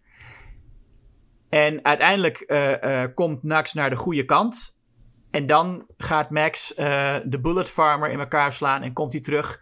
En heeft hij, als, ja, om, om aardig te zijn voor Nux, heeft hij een, een andere laars meegenomen. En die geeft hij dan aan hem. En het is heel snel en je zou het, je zou het zo kunnen missen, zoals ik dus de eerste keer eh, eh, had gedaan. Maar het is toch echt een moment waarin je ziet hoe, zij, hoe hun houding naar elkaar veranderd is. Weet je, E- eerst gebruikt Nux Max als bloedzak en Max is daar natuurlijk boos over. Maar als Nux eenmaal naar de goede kant is, dan laat Max ook zien dat hij hem vertrouwt door hem die laars te geven. En er, en er wordt helemaal niks gezegd. Dat is het mooie. Dat, dat, dat, die- dat hele verhaal, echt een soort mini-subplotje, dat helemaal zonder dialoog eh, als vanzelfsprekend voorbij gaat. Nee, er wordt, er, wordt, er, wordt, er wordt niks gezegd, maar ik denk dat, dat, dat sowieso Tom Hardy volgens mij maar tien woorden in deze hele film zegt. Ja, nou zegt hij niet per se veel minder dan Max in eerdere eh, films. Maar hij is een, een zwijgzame eh, held, ja. Ik moet zeggen, kijk, als je zo'n podcast als dit maakt en je hebt een versus, dan ga je ook bij films kijken en dan ga je ook denken van, nou, ik moet voor de ene film echt goede dingen zien. Ik moet in die andere film toch wel iets zien wat ik kan... eh, ik moet gaten gaan vinden, hè, in zo'n film. Ja. En Toen was ik deze film nu voor de derde keer aan het kijken, dus eh, Fury Road. En ik zat te kijken en toen kwam ineens die, eh, die hele eh, delegatie van, van, van, van Immortal Joe kwam aanrijden. Ik zag die gitarist, die gitaarspeler met zijn vu- met zijn vuurspuw eh, eh, eh, gitaar. ja. En toen dacht ik- Warrior. Ja, en toen dacht ik wel, kut. Ja, dat shot waarin de Doof Warrior onthuld wordt, dat is zo'n goed shot. Ik kan dat echt elke keer opnieuw zien. Je begint zo achter die drummers en dan draait de camera langzaam om naar die gast. En dan hoor je hem spelen en dan... ehm, ja, dan, dan, dan, dan is ook zo'n moment dat je echt weet... Oké, dit de, toen ik dat voor het eerst zag, dacht ik... Dit, dit gaat geweldig worden. Ik ben in heel goede handen met deze film. Ja. en ik, ik, ik eh, wist hetzelfde, maar ik wist ook, dit gaat moeilijk worden. Eh, als het puur gaat om, om, neem het maar eens voor de Road Warrior, als je het over Fury Road hebt. Maar goed, ik moest toch, het enige wat ik bij de Do voor je kon denken is, ja, het is niet heel praktisch. Maar ja, hè, een- een Morton Joe houdt van, maar je moet je voorstellen, weet je wel, we moeten snel nu, Fury Road gaat er vandoor, we moeten snel. En al die drummers, en die gitarist, die, ja, je Ja, moet die- er wat voor over zaten- hebben. maar die- ze zijn altijd klaar voor oorlog, hè? En ook, weet je... staan altijd klaar daar, ja. Nou ja, nee, maar goed. Bij de, kijk, bij, bij, bij, de, bij de Amerikaanse burgeroorlog heb je, had je allemaal mensen met trompetten. Ja, nou ja, je moet, je, je moet er maar klaar voor staan steeds. Nee, maar, nee, maar ik dat is gewoon. Ja, dus bij, bij alle oorlogen. eh, eh, nee, niet bij alle oorlogen, maar bij heel veel oorlogen hoort muziek. Ehm, trompetten zijn, zijn meestal de, de instrumenten die gebruikt worden. Maar goed, als je, zo'n, eh, zo'n, als, je, als je elektriciteit hebt, ja, dan lijkt een elektrische gitaar me een, een goed. eh, en, en, en, en drummers me een heel goed alternatief om, om mensen op te zwepen. Nee, zeker. Het is ook, het is ook onzin wat ik zei. Want wat ik al zei, dit is, dit is natuurlijk gewoon fantastisch. Daar kun je ook gewoon niet heel veel anders van zeggen. Dit is, Nee. dit is geweldig. Als ik nou even één ding moet aanwijzen waarvan ik denk, dat is niet zo heel goed.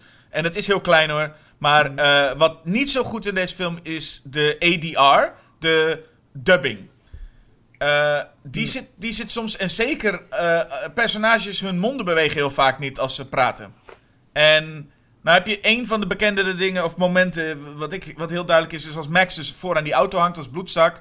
En hij begint over, dan ziet hij zijn auto en dan zegt hij, oh, ze hebben ook nog mijn auto afgenomen. Dat, dat Ja. is wel heel slecht gedaan. Ja, dat is ook niet per se een, een, een regel die je nodig hebt. Nee, en dan denk je al van, Tom Hardy had zo weinig tekst en hij geeft hem gewoon zelf tekst die hij niet eens, die hij niet eens zei. Ja, maar ja. het is, ja goed, oké, dat is niet goed gedaan. Maar dat is ook wel een van de weinige dingen. Want ik bedoel, dan kom je op. eh, de eerste 30 minuten is non-stop adrenaline. En dan heb je nog die zandstorm erbij. Visueel is het zo ontzettend mooi. Ehm, Ja. ik, ik baal ervan dat ik deze film dus niet in de bioscoop heb gezien. Oh, helemaal nooit. Nee, Oh jee. heftig hè? Ja, Ja, dat ik is- heb hem eh, volgens mij tien keer in de bioscoop gezien. Ja, ik hoop ook op een, dat er nog een keer een, een, een, eh, dat hij nog een keertje ergens komt. En dan ben ik zeker een van de eerste die dat gaat zien. Ja, vast wel. Ik denk als de bioscopen open gaan. Ik zou dan zo, als ik, een- als ik een bioscoop, eh, als, als ik programmeerde bij een bioscoop, zou ik sowieso Als ik een bioscoop was. zou ik sowieso, als ze weer open gaan, dan moeten we gewoon Mad Max doen, toch? Ik bedoel, eh, ja. Ja. ja. Daar zijn we aan toe. Ook gewoon dat zo'n film moet je eigenlijk iedereen mee belonen. precies. Ik heb ook de, de, de Black and Chrome versie eh, in de bios gezien.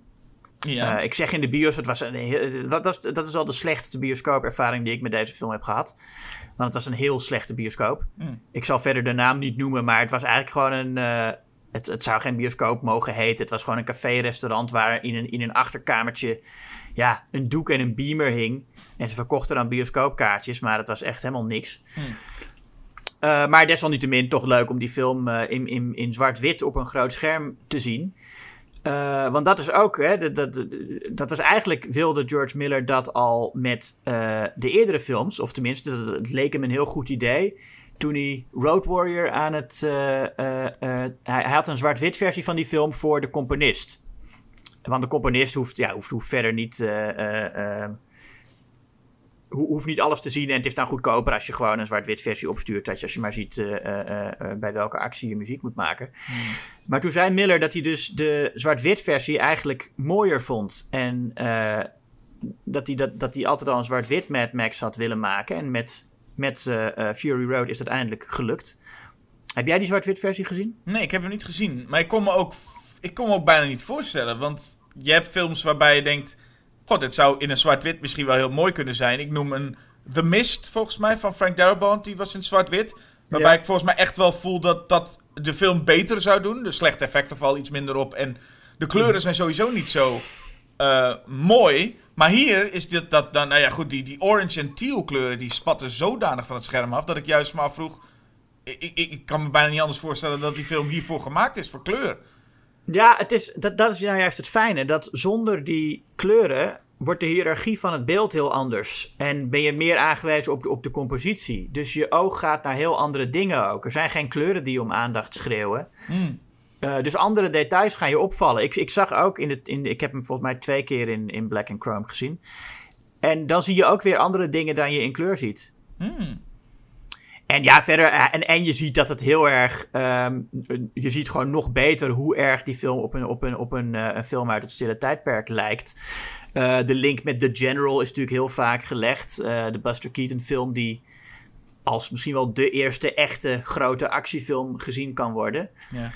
Ehm, ik zag ook een van mijn lievelingsfilms, eh, Le Passion de Jeanne d'Arc, erin. Hè, dat eh, eh, ehm, eh, Charlize Theron als Furiosa met, met, dat, met dat korte haar lijkt erg op Janneke op, in, in, in Jeanne d'Arc. En ik zag Immortan Joe als een soort schurk uit een Duits expressionistische film. Dus eh, die associaties krijg je allemaal als je die film in zwart-wit kijkt. Wat, ook wel, ja, wat het ook wel mooi maakt. Ik moet hem nog altijd een keer zonder geluid kijken. Want ik denk, eh, nou ja, wat, ik zou wel echt de dialoog missen trouwens. Want ik vind dat alle Mad Max films heel goede dialogen hebben. Maar deze nog wel het meeste. En echt mooie poëtische vondsten. Soms dat, dat je ook helemaal niet weet wat iets betekent. Maar gewoon puur door de klank. Hè? Dat op een gegeven moment The Dag zegt... ehm, Is that a furious fixation? En eh, zinnen als he's just a smeg who eats schlenga.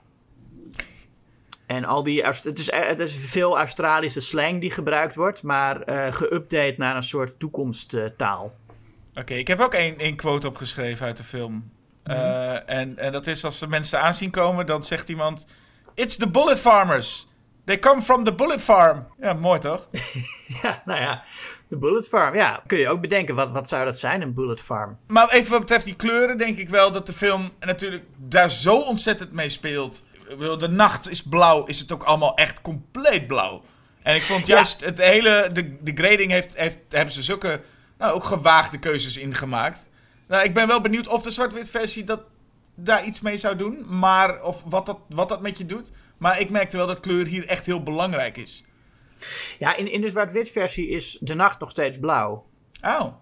Volgens mij. Ja, want, ja, nee, want dat was in de, in de stille tijdperk. deden ze wel aan het, aan het tinten van eh, eh, eh, dingen. Hè? Dus het, het was ook vaak een nachtscène in een zwart-wit film dan. Uit het stille tijdperk was ook vaak blauw. Dus dat hebben ze wel zo gelaten. Wat ik heel leuk vond, want ik, ik, ik, ik had nog niet heel veel humor bij deze film door. Maar wat ik wel, wat ik een van de leukere stukken vond wat betreft humor, is als Max de vrachtwagen die stilstaat en, en Max stapt uit en hij ziet hoe daar als een soort Fata Morgana vijf mooie dames elkaar met water aan het besproeien zijn. Als een soort modelfotoshoot midden in de woestijn. En dat in, dat in die grauwe, vieze, rare mutatiewereld van Mad Max, daar staan daar ineens vijf bloedmooie dames schaars gekleed elkaar te besproeien met water. Nog net niet in de slow motion, geloof ik. Ja, en, en de grap die dan eigenlijk nog moet komen is dat Max dat water wil. Dat hij alleen maar geïnteresseerd is in, in dat water. Max lijkt inderdaad, ja, die heeft hier nog meer dan volgens mij Mel Gibson's uh, Max. Echt geen, uh, nou ja, heeft, heeft nergens behoefte aan behalve dat dat gewoon dat, dat klote ding van zijn kop afgaat.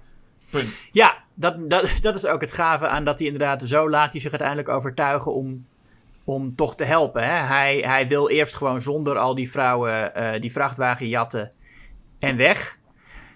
Maar dat kan niet, want hij kan die, die, die vrachtwagen heeft kill switches, dus dat kan hij niet. Dus dan moet Furiosa besturen. En dan zegt Furiosa, ik kom er niet bij als die, als die andere vrouwen niet mee mogen. En daar heeft Max eerst nog helemaal geen zin in. En dan zegt Furiosa, komt met allemaal heel redelijke argumenten van... Ja, straks komt in Morton Joe, denk je nou echt dat hij jou uh, in leven gaat laten of wat dan ook. En daar luistert hij allemaal niet naar. En als hij dan uiteindelijk zegt: Wil je dat ding van je gezicht? Dan is hij overtuigd.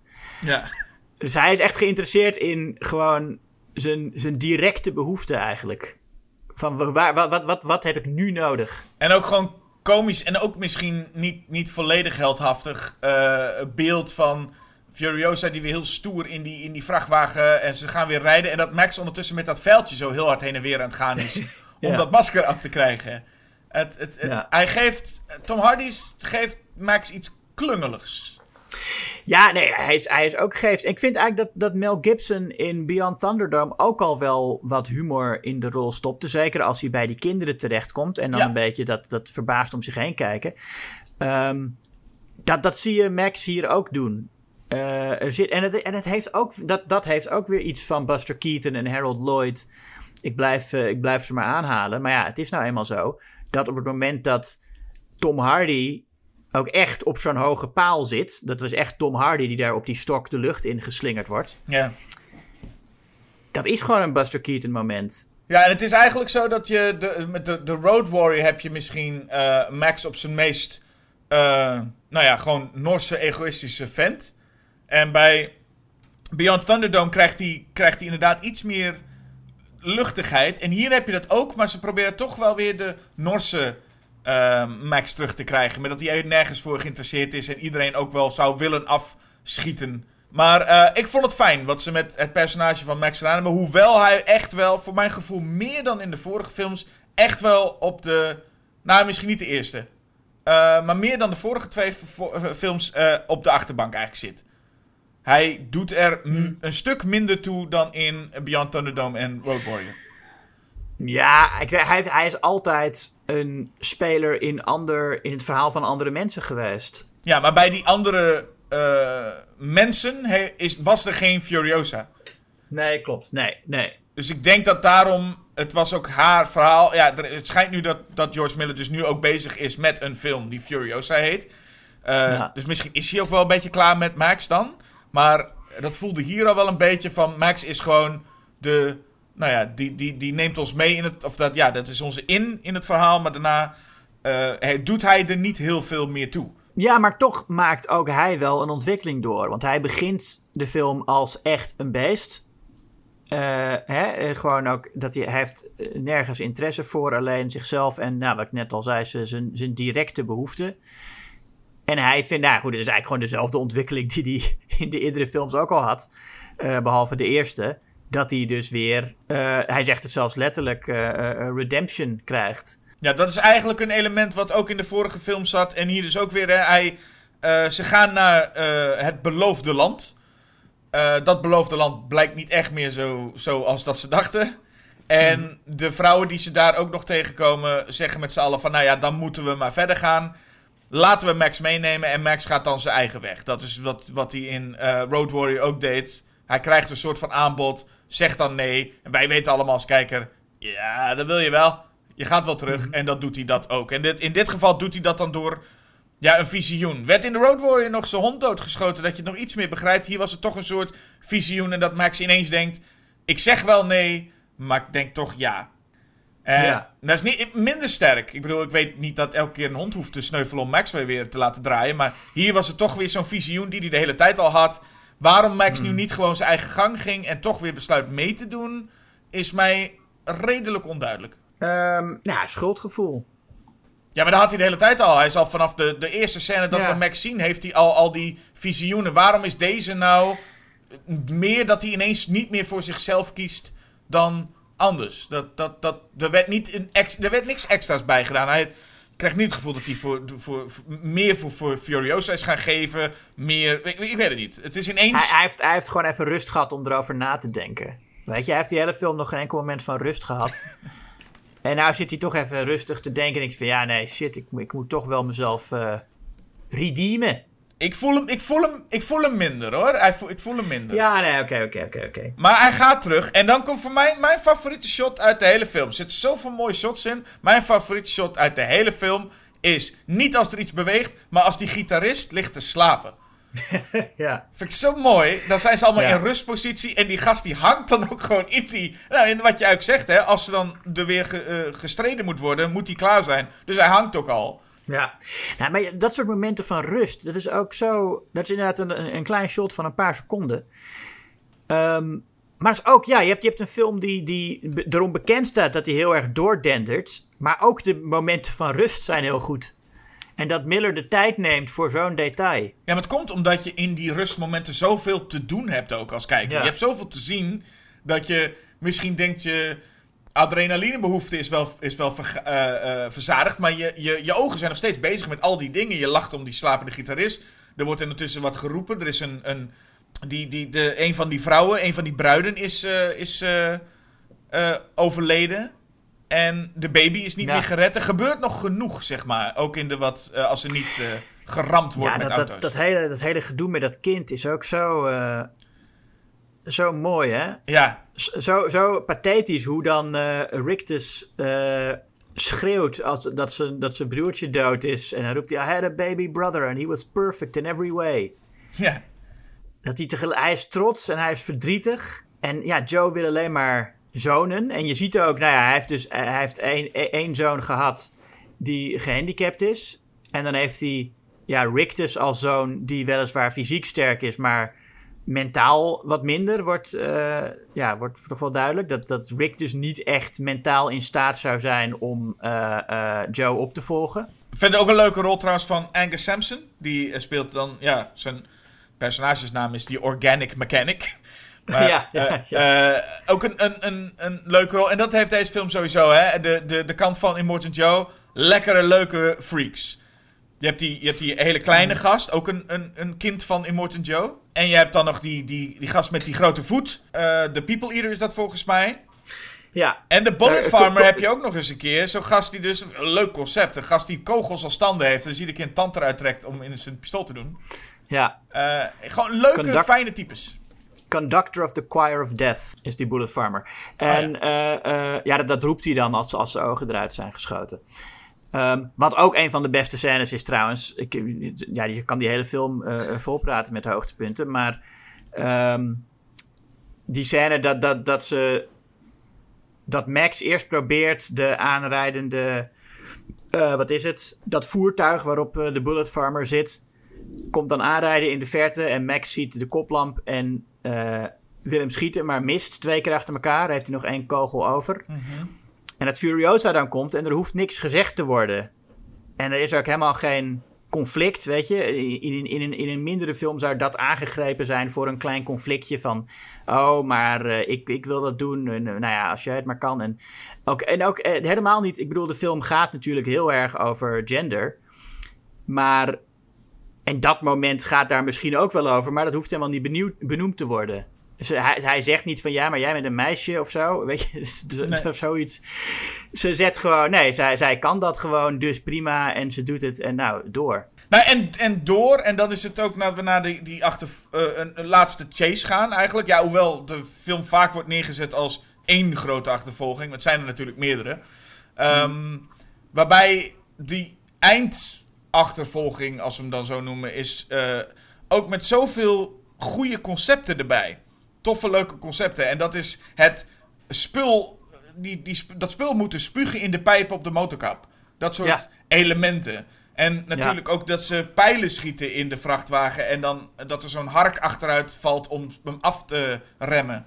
En natuurlijk de mensen aan, aan die palen. Dat zijn allemaal zulke ja. goede. Ik bedoel, het is goed uitgevoerd. Maar het is tegelijkertijd zijn het ook leuke concepten die het anders maken dan wat ik meestal bij achtervolgings scènes heb of films met veel achtervolgingen, het is op een gegeven moment gewoon klaar. Omdat hoe vaak kun je nog één voertuig en een ander voertuig achteraan leuk maken? Want ja, het enige wat je nog kan veranderen is de setting. Ja, maar wat hier heel gaaf is, is dat ook de personages nog ontwikkelen, juist in die actiescènes. Het is niet dat het verhaal van de personages stopt voor een actiescène, zoals je in, in heel veel actiefilms ziet. Het is hun ontwikkeling gaat door en, je, en, je, en ze onthullen ook wie ze zijn. En um, ze dragen allemaal dingen bij op manieren die niet alleen maar hard geweld zijn. Zoals uh, je hebt een van de bruiden, Cheeto. Waarvan we weten, ze heet ook Cheeto the Fragile op de aftiteling. En zij is de bruid die instort nadat Eng Herod is doodgegaan. En die dan terug wil naar Immortan Joe. Ja. Uh, wat ook, ja, ook een heel mooi, tragisch moment. En dat, dat gaat dan inderdaad in het echt ook wel eens zo met vrouwen die misbruikt zijn, die dan, als ze alleen zijn, omdat ze zo afhankelijk gemaakt zijn van hun man, uh, als die man weg is, ook niet weten wat ze moeten en, en terug willen. En ze zegt ook van hij vergeeft ons vast.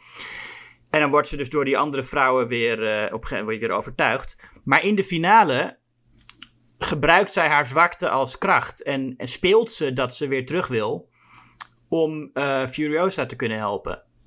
Ja. dan, dan, dan tilt Rick dus haar mee naar die auto en dan zit ze daar en dan helpt ze Furiosa die auto in. Ja, je hebt eigenlijk dat die, dat die vrouwen, uh, uh, de, de bruiden, uh, allemaal een klein dingetje hebben. Dus ze zijn, nou ja, ze zijn niet mega goed ontwikkeld wat mij betreft, maar ze zitten wel...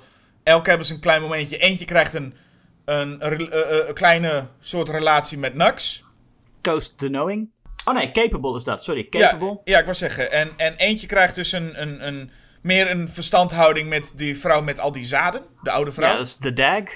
Ja, precies. Ik weet niet wat Toast the Knowing nou eigenlijk dan heeft. Zoe Toast the Knowing is... Uh, dat is Zoe Kravitz. En ik dacht dat zij capable was, omdat ze zo capable is. Zij is degene die ook het, die, die uh, geweren kan laden en, uh, en dat soort dingen. Ze is de meest praktische. Maar goed, zo heeft elk een klein elementje. En ja, wat, en wat ik zeg, en, en mensen kunnen hun, hun zwakte als kracht gebruiken. en zelfs Max ook, die het feit dat hij universele donor is wat in eerste instantie natuurlijk een, een, een, een, nadeel voor hem was in deze wereld. Daarmee redt hij uiteindelijk Furiosa.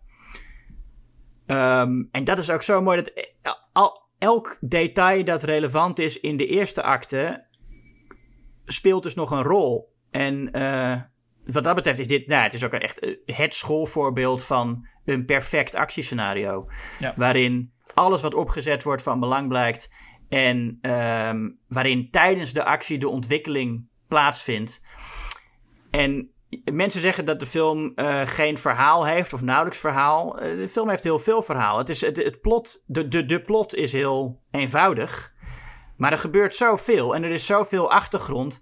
Weet je, de decors vertellen al een enorm verhaal. En de kleding van de personages vertelt meer verhaal dan uh, een hele film van Christopher Nolan. Ik heb ook het gevoel dat inderdaad nu, als mensen zeggen van de film heeft geen of weinig verhaal, dat dat negatief is. Uh, ik zou zelf het argument maken dat heel veel films te veel verhaal hebben. Ja, te, te veel plot, te veel uitleg. Ja. Ik vind er is een verschil tussen verhaal en plot. Verhaal is volgens mij de hele wereld. En je kan overal verhalen in zien. En de plot is, dat is gewoon wat er gebeurt van A tot Z. En dat is hier inderdaad eenvoudig en ook gewoon perfect gestroomlijnd verteld. Nee, maar dat is het Ehm. ook. Want de meest, de meest eenvoudige films eigenlijk kunnen, kunnen fantastisch zijn. Juist dat maakt Ja. het soms heel... eh, ik, heb, ik heb zelden dat ik denk... Oh, dit vond ik een te simpele film als de uitvoering goed is. Maar je hebt vaker dat er zoveel expositie is. Zoveel lijnen dat je denkt... Ik, eh, eh, het interesseert me ook geen hol meer. Hier heb je gewoon echt een hele duidelijke focus. Ja, maar er zitten wel dus heel veel kleine mini-dingetjes in, kleine mini-plotjes. Die, maar die zijn zo snel verteld dat ze niet eh, dwars gaan zitten, dat je je niet gaat vervelen. Het is eigenlijk, je zou van Lord of the Rings ook kunnen zeggen: het is een heel simpel verhaal. Ze gaan gewoon naar die berg, ze, ze beginnen te lopen en ze lopen door en ze komen er. Ja. En dat is het verhaal. Maar ja, dan heb je dus. Ja, dan ga je voorbij aan al die kleine zijpaadjes die ze ondertussen inslaan. En al die ontwikkeling die, die daar plaatsvindt. En dat heeft Mad Max in feite ook, alleen veel gestroomlijnder. dit is juist iets wat ik heel fijn vond. Bij de eerste Mad Max is, is volgens mij een kleinere film, zou je zeggen. Maar het is een, ik, wat mij betreft, een ingewikkelder verhaal. Of- Ja, de eerste is, is meer eh, plotgericht of zo. Of, het is, je- ja, Ja, er is iets wat daar gewoon... Nou ja, het, zal met een stroomlijn ook te maken hebben. Maar dat, die gaat wat moeilijker van A naar, naar Z. Die gaat... Nou ja, je snapt wat ik bedoel. Ik weet niet of de luisteraar het we, snapt. we snappen elkaar, we snappen elkaar, Jasper. Precies, fuck die luisteraars, wij elkaar maar begrijpen. Ehm, ik zou ook wel zeggen dan, dan komen we even bij het einde. We hebben, eh, het is, het is, we hebben veel, veel, eh, veel positieve woorden, maar het einde bij- bij Mad Max Beyond Thunderdome zei ik al wel, het neigt af en toe iets naar iets te kinderlijk. Ik vind het einde van Fury Road te veel, te, te zoetsappig worden. Ja, het is allemaal zo ernstig. Het is allemaal zo ernstig. En die, dat Max dan ook begint met Max, my name is Max. That's my name. Nou ja, dat, dat, ehm, met, die, Ja. met, die, met die opzwellende muziek, dat hoefde voor mij niet zo. En als we daarna bij eh, de plek van Immortan Joe komen, snap ik best dat het weer even positiever mag zijn. Wat logisch is. Immortan Joe is dood, dan is het positiever. Maar dan iedereen blij. En die moeders staan al meteen boven, weet je wel. Die vrouwen die allemaal waar melk afgetapt werd, die staan al allemaal al boven, alsof ze het weten. Die gooien die kranen aan en juichen. En toen dacht ik wel, nou, het mocht wel een tandje minder. Ik vind het, ik, het hoeft voor mij ook niet helemaal cynisch te eindigen, maar het hele... Max kijkt nog even naar Furiosa als die wegloopt en... eh nee. Ik vond dat hij zijn naam zegt, dat hij eindelijk zijn naam wil vertellen, eh, vond ik heel goed. Weet je, hij is, hij, hij is een ding geweest aan het begin van de film en nou durft hij eindelijk weer een mens te zijn. Eh, en, en de bevestiging daarvan, doordat hij eindelijk vertelt hoe hij heet, vind ik goed. En ja, nee, kijk, ja, het einde, ja. Het is misschien wat, eh, wat, wat meer een happy end dan je realistischerwijs zou verwachten in zo'n situatie. Dat inderdaad ook meteen weer die kranen open gaan. Maar ja, dat is gewoon heel snel alles afronden. En weet je, eh, eh, Maar zonde, want ik zou zeggen dat als je, je... Want waarom zou je iets moeten afronden? Ik denk op het moment dat Immortan Joe dood is... Ja. Ik zou het prima vinden als... eh, en daar zou George Miller volgens mij geen probleem mee moeten hebben gehad... eh, Max een, een, een auto had gepakt, of zijn auto misschien op een moment terugkreeg, wegreed... en die vrachtwagen reed richting de Citadel. En we zien die vrachtwagen de horizon tegemoet rijden, einde. Want dat hele terugkeren daar had ik helemaal niet nodig. En dat, had, oh. dat was prima zonder. Nee, ik ben, wel, ik ben wel blij dat we het weer zien. En dat we ook weer eh, zien eh, hoe makkelijk het eigenlijk is dat, dat zodra Immortan Joe dood is, dat hele theater van macht dat hij had ook er niet meer toe doet. Dat iedereen, oh hij is dood en nu, nu zijn we vrij. Nee, maar het is, ja, misschien is het ook in de lijn van die vorige films. Ik vind het namelijk prima als eh Bartertown gewoon is wat het is. En niet dat Max nog weer terugkomt bij Bartertown of iemand anders. En daar nog weer een mooie boel maakt. En oh, Tina Turner is er niet meer, yay. Of bij Road Warrior, waarin we zien die lui wegrijden en de voice-over zegt nog even van... Nou, we hebben het goed gehad. Maar ik hoef niet allemaal te zien dat iedereen blij en juichen dat, eh dat Humongous dood is. Dat, dat is wat George Miller nu nog even laat zien. En ik dacht... Maar dat, dat hoef je niet te laten zien, ook al voel ik wel dat het wat positief is. Dat, dat, het is nu de, het optimisme wat hij een beetje schetst, gaat hij nu met de muziek en met de shots die hij laat zien Ja, het, het, het, te veel benadrukken. Dan denk ik, ah, daar had, George Miller wel beter gekund hoor. Het is ook, maar het is een menselijker film dan, dan, dan Road Warrior. Het, eh, hij, hij, heeft er, hij, hij heeft, hij heeft volgens mij wel echt wat, eh, ja, wat, wat softer geworden, zou ik zeggen. Ik denk ook dat het geen eh, toeval is dat Nux best wel doet denken aan Johnny the Boy. En dat Max Johnny the Boy nog eh, eh, eh, koelbloedig laat, in de fik laat vliegen. Maar dat hij Nux een laars geeft. Ja, maar Jo- Johnny the Boy heeft ook nooit die, heeft nooit die switch gemaakt. Die heeft zich nooit bij Goose en, en hem Nee, nee, precies. Maar dat, nee, natuurlijk. Maar dat had hij wel kunnen doen. En ik denk dat Miller met, met Fury Road eigenlijk wel een paar dingen nou, recht wil zetten, is een, is een groot woord. Maar dat hij toch, ja, dat hij toch wat, wat, een wat menselijker verhaal wil vertellen. En daarom gaat het ook. Het gaat niet over benzine, het gaat over vrouwen. Weet je wel? En dat was trouwens ook het idee, de, de reden dat Furiosa erin zit. Hij had eerst bedacht, het, het moet gaan over, over de bruiden van zo'n man. En toen dacht hij, ja, maar dan heb ik, weet je wel, Max die dan als redder de vrouwen komt redden. Dat, dat wil ik eigenlijk niet. Dus laat ik daar ook een vrouwelijk personage voor bedenken. En hij heeft toen ook eh Eve Ensler ingeschakeld. eh, de schrijver die, die vooral bekend is van de vagina-monologen. Die ook ehm, heeft, wat, wat heeft bijgedragen aan het, aan het scenario. En ik, ja, ik weet dan niet wat precies, maar ik neem aan dat bijvoorbeeld zo'n ontwikkeling van Cheeto the Fragile misschien wel uit haar koker komt.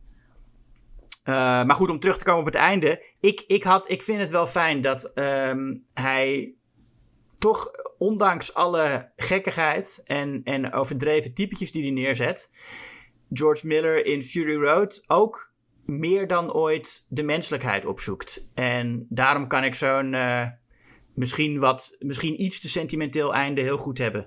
Ja, dat is mooi. Ja, ja sterker nog, ik, ik, ik, ik, vind, ik, had, ik had niet zonder dat einde gewild. Het kan wel zijn wat je zegt hoor, dat, dat, dat Miller misschien iets minder cynisch is geworden of zo. Ja, hij heeft, hij heeft natuurlijk ook hier, hier, hiervoor heeft hij al Babe Pig in the City gemaakt. Dus eh, hij heeft zeker, eh, ja, is wel een andere regisseur geworden. Ja, en ik denk dat je dat bij heel veel regisseurs ziet die vroeger nog wel, Spielberg bedenk ik nu even, maar er zijn genoeg regisseurs die vroeger iets cynischer konden zijn, maar nu dan steeds iets meer naar het zoetsappigere kunnen toestappen. Ja, hij heeft, hij, heeft ook kinderen, hij heeft ook kinderen gekregen. Toen begon hij die kinderfilms te maken. Hè? Toen hij zelf kinderen kreeg, ging hij Happy Feet maken. En, eh, Ja, en dan ja, in ieder geval van, van eh Bay Pig in the City weet ik dat het eigenlijk ook gewoon nog steeds een visueel fantastische film met hele goede... En ook nog best wel duister kan zijn. En nee, een goede in the. City is, is, is geweldig. Ja. Ik, zeg, ik zei trouwens, toen hij kinderen kreeg, ging hij Happy Feet maken. Dat, dat is volgens mij niet helemaal waar. Die kinderen zijn Dat zou, een stuk ouder dan dat. dat zou wel kleinkinderen kunnen zijn inmiddels, toch? Ja, Maar, ja, ja, nou ja. Eh, het, het, het, het is fijn dat die zoetsappigheid, dat dat, dat dat e- eigenlijk in de rest van de film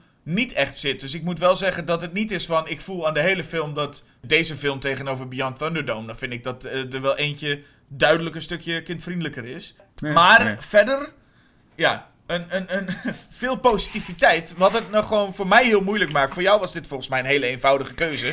Ja, absoluut. Ja, nee, eh, Mad Max Road, ik, ik vind het een, eh, ja, veel dichter bij perfect komt een film wat mij betreft niet. Het is ook de film van deze eeuw die ik eh, het vaakst heb gezien. Ik heb, ja, ik heb ook eh, No Country for Old Men heel vaak gezien en Inglourious Bastards, maar dit is toch wel... Lost in Translation staat ook op die lijst, maar ik, ik, ik denk dat ik geen enkele film half zo vaak gezien heb van deze eeuw als, eh, als Mad Max Fury Road. Ehm, dus ja, voor mij een absolute eh, eh, favoriet. eh, hoog op de lijst aller tijden. Nummer 1 door de lezers gekozen hè, destijds in de beste Ja. film van het decennium. Ja, nou ja, ben ik het ook mee eens natuurlijk. Ja. Maar dan nog even, je zegt, we hebben genoeg gezegd waarom Fury Road wel. Kun je nog iets zeggen over waarom Road Warrior niet? Of is het gewoon het slachtoffer van het Nou, tegenover een perfecte film staan? Ja, nee, dat, dat is zo. Ja, The Road Warrior is natuurlijk ook een ontzettend goede film. Maar ehm, ik vind, weet je, je hebt Mad Max 1 en je hebt eh, Beyond Thunderdome. Dan kan ik, ja, dan, weet je, dan, ik, dan, dan hou ik toch liever Fury Road om nog te kunnen kijken. En dan als ik zin heb in een oude Mad Max, kijk ik gewoon deel 1 of deel 3. En hoewel Road Warrior op bepaalde vlakken absoluut beter is dan die twee, eh, zal ik hem niet eh, verschrikkelijk missen als ik gewoon Fury Road heb. Oké dan. En jij? Ja, ik, ehm, ik ga nu iets zeggen wat ik, eh, wat en dan weet je ook dat ik niet graag zeg. Eh, Oh ik jee. ben het met je eens. Kijk, Fury Road is echt de betere film, vind ik ook. Ik moest echt wel zoeken naar wat kan ik nou benoemen, wat is nou iets wat The Road Warrior... Ik ben minder lyrisch dan jij, maar dat is volgens mij bijna onmogelijk, aangezien je het een nagenoeg perfecte film vindt. Ehm, wat is nou te benoemen aan, aan de Road Warrior? Wat, wat doet de Road Warrior nou eigenlijk beter dan Fury Road? Laat ik het zo zeggen. En dat was wel echt even zoeken. Ik, ik denk dat ik op één punt uiteindelijk uitkom waarvan ik bijna nog zou zeggen... dat is wel een reden waarom ik de Road Warrior zou behouden. En dat wat eh Fury Road misschien in faalt voor mij, of in ieder geval echt een stuk minder is. En dat is eigenlijk, zijn de personages aan de goede kant. Aan de Mad Max kant. Daarvan vind ik dat eh, George Miller heel veel hele lekkere, excentrieke, groteske figuren schetst. eh, en beide gevallen voor de slechterikken. De, wat betreft de goede rikken vind ik nog, ik vind ze nogal vervelend. En, of een beetje saaiig, die aan kant Fury Road. Ha! Inclusief misschien Max zelf. Maar en, en de Fufalini dan? De wie?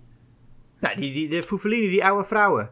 Nou, ik heb daar nou, ik heb er nou niet echt heel erg.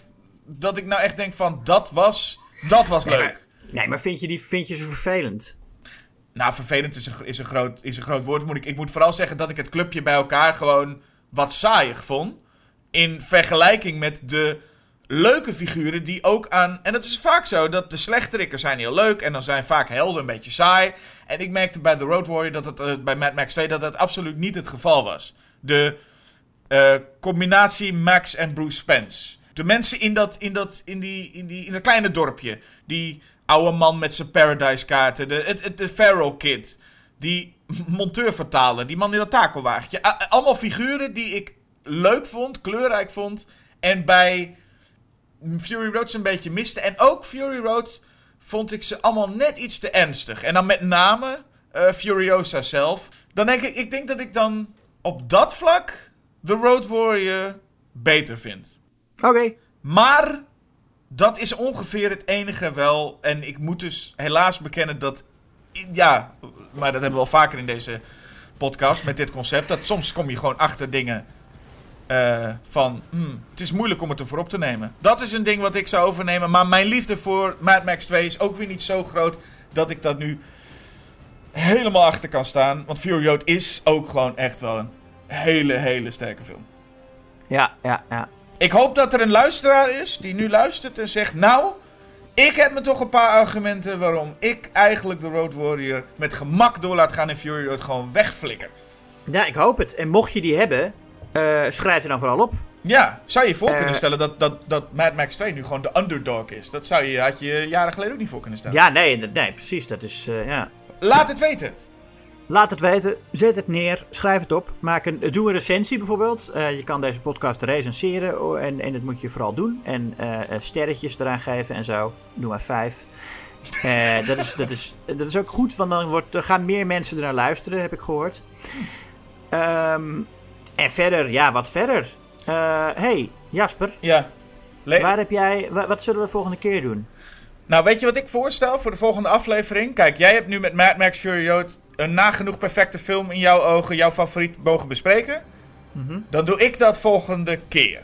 Oké. Dan wil ik een nagenoeg perfecte film en één, in ieder geval één van mijn favorieten bespreken. En dat is Demon Knight. Oeh. Nou, dat klinkt goed. Eh, dan, dan wil ik daar iets tegenover zetten. Nou, wat? Eh, ja, een andere demonenfilm. Eh, wat dacht je van Demoni? Demoni. Demo Demons. Show me the money. Van, van Lamberto Bava. Dit is een belachelijk slecht ingestudeerd stukje, maar eh, ja, goed idee.